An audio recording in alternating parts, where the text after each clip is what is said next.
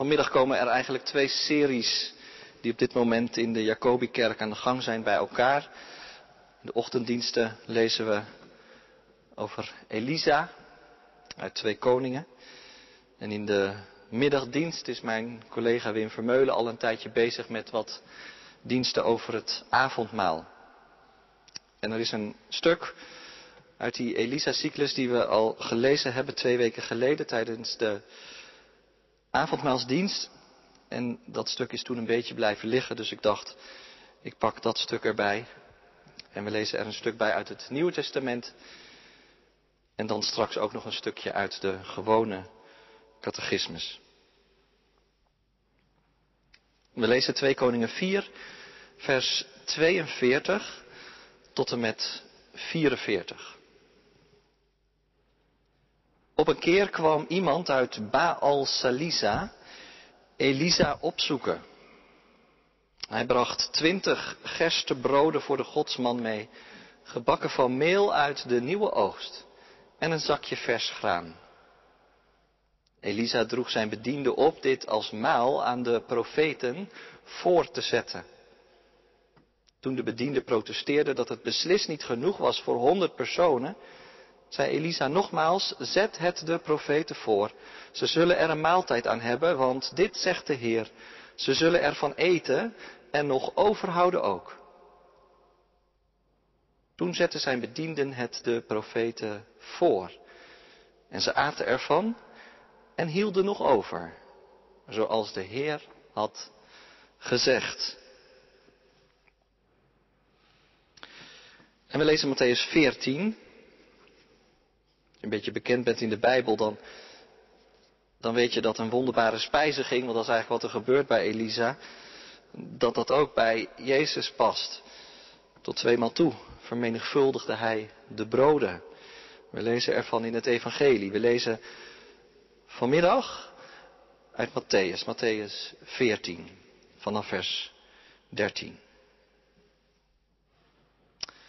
Toen Jezus hiervan hoorde, week hij per boot uit naar een afgelegen plaats waar hij alleen kon zijn. Maar de mensen kwamen het te weten en vanuit de steden volgden ze hem over land. Toen hij uit de boot stapte en de grote menigte zag, voelde hij medelijden met hen en hij genas hun zieken. Bij het vallen van de avond kwamen de leerlingen naar hem toe en zeiden, dit is een afgelegen plaats en het is al laat.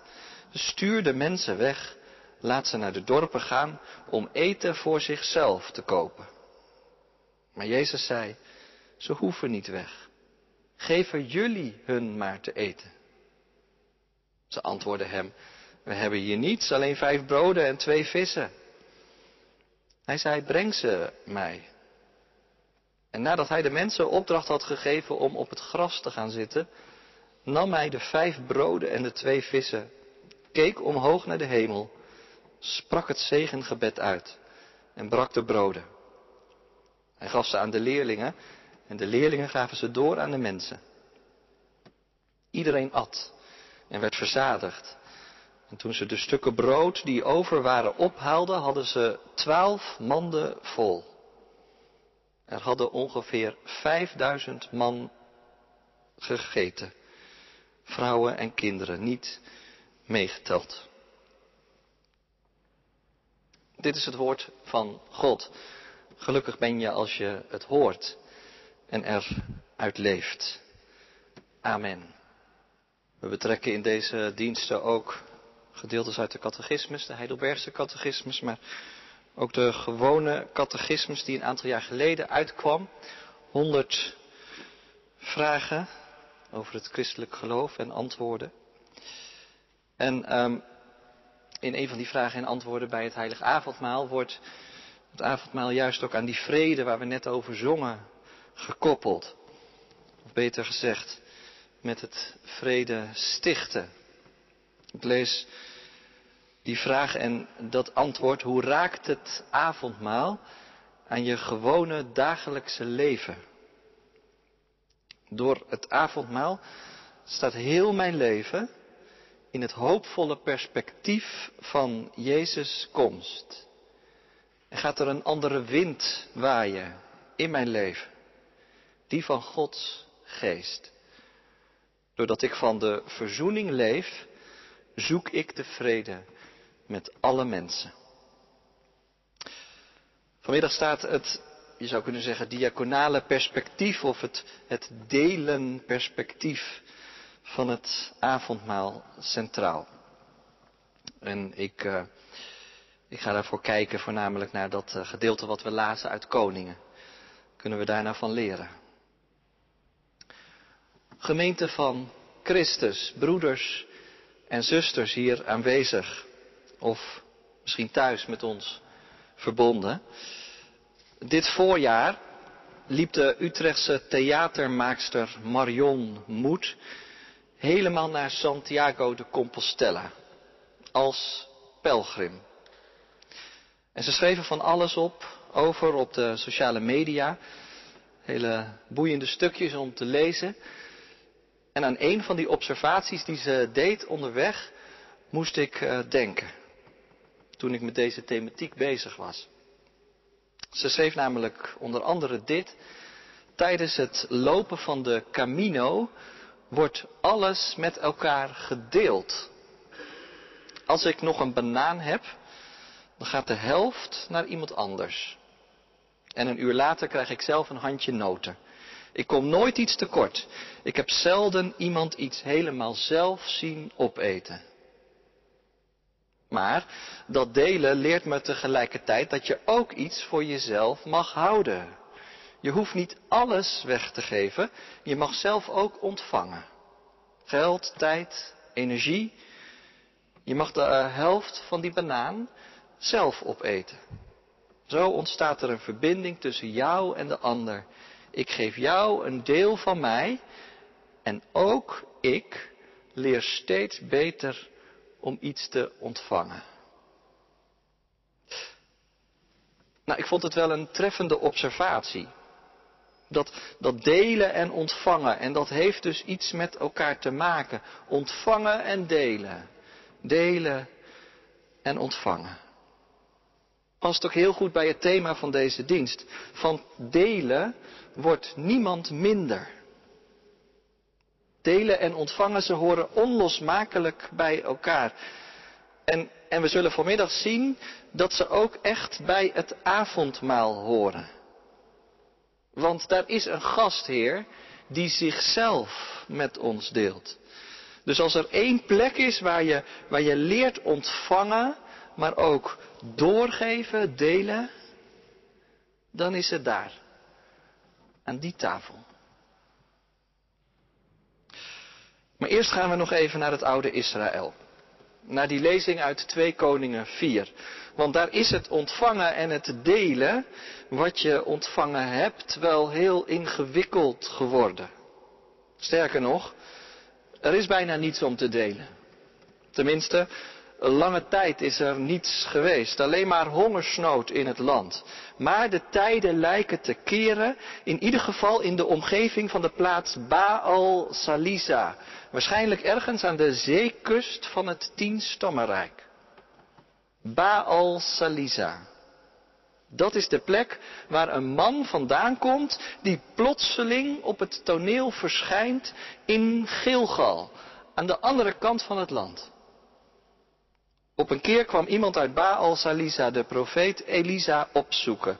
En hij heeft iets meegenomen. Twintig gerstebroden, gebakken van meel uit de nieuwe oogst en een zakje vers graan. Die nieuwe oogst waar het over gaat was misschien wel de eerste oogst in een heel lange tijd. Stel je eens voor dat je lange tijd bijna niets kon eten. Alles was schaars. Maar nu, nu is er weer volop koren op het veld. Wat zou je doen met de eerste gerstekorrels? Nou, daar maak je natuurlijk een heerlijke maaltijd mee klaar. Voor jezelf en voor iedereen die bij je hoort. Maar in dit verhaal gebeurt iets anders. Hier lees je over iemand die met die eerste oogst helemaal naar de andere kant van het land loopt. Het is trouwens wel een opmerkelijke naam. Baal Salisa. Twee weken geleden hebben we dit gedeelte al even gelezen tijdens die avondmaalsdienst. En na afloop van de dienst vroeg iemand mij, wat betekent dat eigenlijk? Wat is dat eigenlijk voor plek? Baal Salisa. Nou, je hoort er in ieder geval de naam in van een heel bekende afgod. Letterlijk zou die naam zoiets kunnen betekenen als de derde plaats van Baal. Maar misschien is de betekenis ook anders. Maar in ieder geval, het zal gaan over die Baal die door koning Agap en zijn vrouw Izebel nog niet zo lang geleden het land is ingehaald. De afgod Baal. En waarschijnlijk heette deze plek, deze plaats, vroeger ook wel anders. Maar in deze stad hadden ze zich zo aan de afgodendienst overgegeven dat ze zelfs hun naam hebben veranderd. Echt zo'n plek waarvan je zegt, daar is de levende God niet meer. God is dood in Baal Salisa. Maar niets is minder waar, want het is precies zoals God een tijdje geleden had beloofd. Dat er in Israël tenminste 7000 mensen zouden blijven die hun knieën, knieën voor de Baal niet zouden buigen. Nou, hier heb je er één van. Een vervolgde gelovige. Iemand die God wil danken voor de nieuwe oogst en die zichzelf niet verrijkt in eerste instantie of het aan de afgoden geeft. Nee, hij gaat er iets anders mee doen. En alleen dat is al een hoopvol gegeven in dat kleine stukje tekst. Wat doet hij ermee? Nou, volgens het boek Leviticus moest je het beste van de eerste oogst naar de priesters in Jeruzalem brengen. En daar wil deze man zich dan ook aan houden. Hoewel dat gemakkelijker gezegd is dan gedaan, want Jeruzalem ligt in het tweestammenrijk. En hij komt uit het tienstammenrijk. Beweging van het ene rijk naar het andere rijk, misschien ingewikkeld. Misschien werd je dan wel beschuldigd van landverraad of ik weet het niet. In ieder geval zoekt hij andere wegen om met zijn spullen naartoe te gaan. En hij heeft gehoord van de godsman Elisa. Die zou op dit moment in Gilgal verblijven. En daarom brengt hij de eerstelingen van de oogst naar hem. Moet je je voorstellen. Dat is best een gewaagde actie. Ook wel heel mooi. Maar waar ga je nou naartoe als je dankbaar bent? Misschien een gekke vraag, maar maak jij het jezelf wel eens lastig met je dankbaarheid? Misschien juist als je ergens opgelucht over bent, omdat het goed is afgelopen, kun je zo snel de gemakkelijke weg kiezen. Kijk, als er honger is, dan wil je wel bidden, maar, maar wat doe je met je overvloed? Breng je wel eens wat weg naar de andere kant van het land? Dat het je ook echt moeite kost. Maar je doet het omdat je jouw hemelse vader dankbaar bent voor wat hij jou allemaal heeft gegeven. Nou, deze man heeft van de eerste gerstenoogst dus het beste deel bewaard. En hij heeft het niet voor zichzelf bewaard. Het is geen inhalig mens. Snel zoveel mogelijk graaien en dat dan voor jezelf oppotten. Nee, hij heeft er twintig broden van gebakken. En hij stopt er nog een vers zakje graan bij. En dan gaat hij onderweg naar Gilgal. En dan geeft hij het aan Elisa. Doet u maar wat er goed mee is. Het eerste en het beste geef ik aan God. Nou herinner ik mij dat in de kerk waar ik opgroeide en waar ik als klein jongetje altijd naar die avondmaalstafel zat te kijken, tijdens de viering, dat daar aan beide kanten van de witte tafel een schaal stond voor geld. En als de avondmaalsgangers dan hun plek innamen aan de tafel, dan stopten ze daar eerst iets in. Een mooi gebaar en een, en een mooi symbool, zoals ook in de vroege kerk iedereen iets meenam. Naar de maaltijd van de Heer had je veel mee te nemen, dan nam je veel mee. Je komt naar het avondmaal om veel te ontvangen. We hebben in de afgelopen tijd ook gehoord. Maar mag je er ook wat brengen? Iets delen van jezelf. Dat bestemd is voor de dienst van God en van elkaar. Die offerbereidheid, die gulle geestelijke houding, is volgens mij nou echt zo'n typische geloofshouding die je ook in de Bijbel steeds weer aantreft, ook bij deze man. Jezus zegt, zoek eerst het koninkrijk van God en al het andere zal u gegeven worden. Nou, dat deze man met zijn gave bij Elisa aankomt, bewijst dat hij God vertrouwt. Het is God die voor mij zorgen wil en daarom vertrouw ik hem mijn hele leven toe. Ook de eerstelingen van de oogst. Nou goed, op die profetenschool van Gilgal, daar komt die man uit Baal Salisa in elk geval als geroepen. Daar is blijkbaar nog niet voldoende oogst binnengehaald. Daar is misschien nog wel honger. Wie zal het zeggen? Er komt redding uit onverwachte hoek, notabene uit afgodenland. Kan verkeren. Ik las in een boekje van dominee Pieter Jong, met dit hoofdstuk, God heeft vaak meer hulptroepen dan je denkt. God stuurt zijn engelen en die duiken vaak vooral op aan de randen van het leven, daar waar het echt nodig is. Nou, zo komt die man met zijn brood bij de profeet Elisa. Die profeet zelf zou er wel zo'n dag of tien mee vooruit kunnen met die twintig broodjes. Dan was het op. Maar hij houdt het niet voor zichzelf. Wat hij ontvangt, geeft hij meteen weer door. En hij voegt er ook nog iets aan toe. Weet je wat? Een woord van God. Een belofte van God. Een profetie. Gebeurt in een paar stappen, maar het loopt hierop uit. Dit zegt de Heer, jullie zullen er allemaal van eten en nog overhouden ook. En helemaal in lijn met die profetie geeft hij zijn knecht dan een opdracht. Geef het aan de profeten zodat zij ervan eten. In het Hebreeuws staat er trouwens nog wel wat anders. Er staat geef het aan het volk. Zodat zij ervan eten. Dus, dus dat gaat over misschien nog wel meer dan die honderd profeten. Ook over hun gezinnen. En misschien nog wel over andere inwoners van Gilgal, wie weet het. In elk geval wordt de profeet Elisa als snel de gastheer aan tafel. En hij reikt breed uit.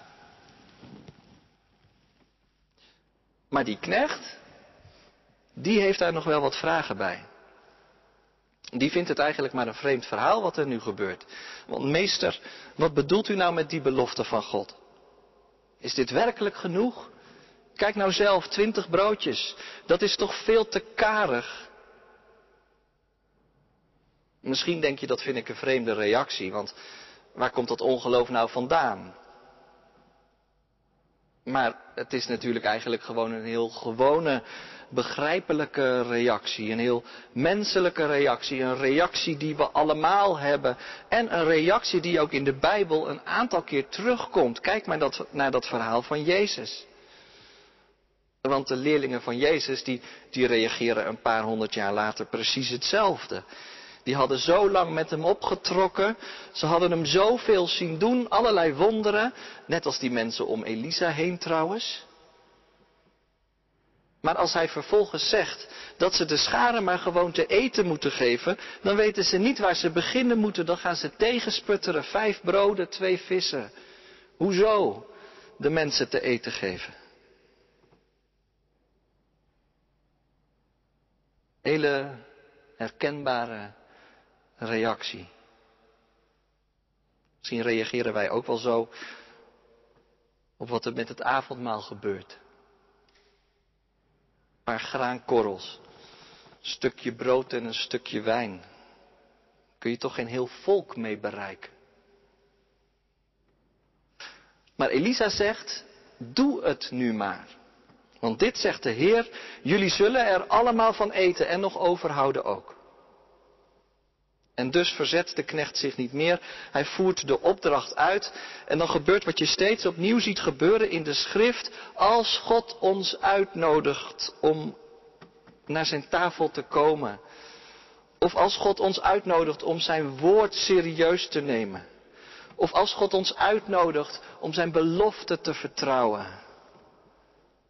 Dan blijkt het altijd genoeg te zijn. Toen zette zijn bedienden het de profeten voor en ze aten ervan en hielden nog over, zoals de Heer had gezegd. Wat mooi eigenlijk, hè? Dat laatste korte zinnetje helemaal aan het eind van het stukje dat we lazen. Zoals de Heer het had gezegd. Hij zei het toch.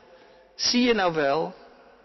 Het is de moeite waard om hem te vertrouwen. Deel nu maar gerust. Je houdt zelfs nog over. En elke keer als wij met elkaar dat avondmaal vieren, dan gebeurt precies hetzelfde. Dan horen we die woorden van God. Vertrouw er nou maar op. Dat er maar één ding nodig is. En dat dat ene ook werkelijk genoeg is. Meer dan genoeg. Namelijk dit, dat je verbonden bent met het lichaam van Christus, die gastheer die zichzelf met je deelt. Die verbroken werd tot een volkomen verzoening van al jouw zonden. Ik denk dat het een waagstuk is, elke keer als je deelneemt aan de viering van brood en wijn. Een waagstuk om je toe te vertrouwen aan de belofte van God. Neem, eet, gedenk en geloof. Zou het werkelijk genoeg zijn? Nou, het zijn de woorden van God zelf. Het is zijn belofte die erachter schuil gaat. En die opent een ruimte vol met mogelijkheden. Want dat is dan even de spits voor vanmiddag. Wat gebeurt er dan? Komen dus in deze diensten allerlei aspecten van het avondmaal voorbij. Maar vanmiddag leggen we dan even de vinger bij dat delen. Dat is wat er in die ruimte gebeurt, denk ik. Er wordt gedeeld. We zagen het al even bij die man uit Baal Salisa, die uit dankbaarheid iets deelt van de eerste oogst. Maar moet je kijken wat er vervolgens aan de tafel gebeurt. Want daar krijgt iemand anders die broden in handen van Elisa, van Jezus. En die wordt vervolgens uitgenodigd om wat hij ontvangen heeft nog weer verder te delen. En ik dacht, datgene wat ons ook maar gegeven wordt, dat mogen ook wij weer verder uitdelen, toch? Dus leer je aan die tafel van de Heer niet gewoon een heel belangrijke les. Namelijk dat van delen niemand minder wordt. Sterker nog, dat God van onze kleine gaven iets groters maken kan. En dan zijn we bij die gewone catechismus. Hoe raakt het avondmaal nu aan mijn gewone dagelijkse leven? Dat was de vraag. En we hoorden in het antwoord hoe door het avondmaal heel mijn leven in het hoopvolle perspectief van Jezus komst komt te staan. Ik zeg het nog een keer. Het zijn een hoop woorden. Door het avondmaal komt heel mijn leven in het perspectief van Jezus komst te staan. Waardoor er een andere wind gaat waaien, die van Gods geest. Doordat ik van verzoening leef, leef, staat er, zoek ik de vrede met alle mensen. Dus, dus mijn leven wordt in het hoopvolle perspectief van Jezus' komst geplaatst. Maar wat houdt die komst van Jezus nou heel concreet in? Nou, dat zie je in de gedeelten die we lazen, denk ik, heel mooi. De komst van Jezus in je leven betekent dat er een stem gaat klinken. En die stem zegt iets over wat jij in je handen hebt. Deel het maar uit. Geef de mensen maar te eten. En denk niet dat het te weinig is allemaal. Denk niet dat er van alles niet kan. Integendeel, ze zullen eten. En er zal nog overblijven ook. Vorige week ging het in de middagdienst in deze kerk over de toekomst van God. Een toekomst waar het avondmaal naar vooruit wijst. De maaltijd van de Heer als een vooruitwijzing naar het koninkrijk van God. Waar de laatste de eerste zullen zijn. Een kring van broeders en zusters die verzoend is met Christus en daarom ook met elkaar. Als een vooruitwijzing naar het koninkrijk waar geen vijandschap meer zal zijn, geen haat en geen nijd, geen tranen en geen rouw.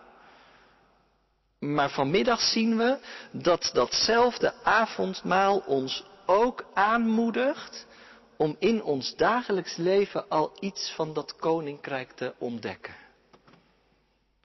Door de vrede met alle mensen te zoeken bijvoorbeeld. Zoals de gewone catechismus daarover spreekt.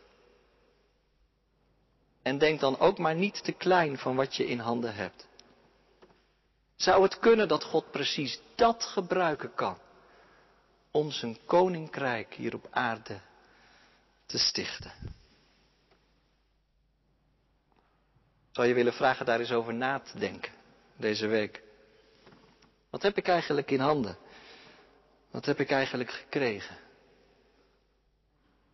Kan natuurlijk zijn dat je zegt, ik heb veel genade gekregen. Nou, deel die genade dan ook eens uit. Ik sluit af met een beeld dat ik eerder vanmiddag ook al even deelde in de gemeente-app van de Jacobikerk.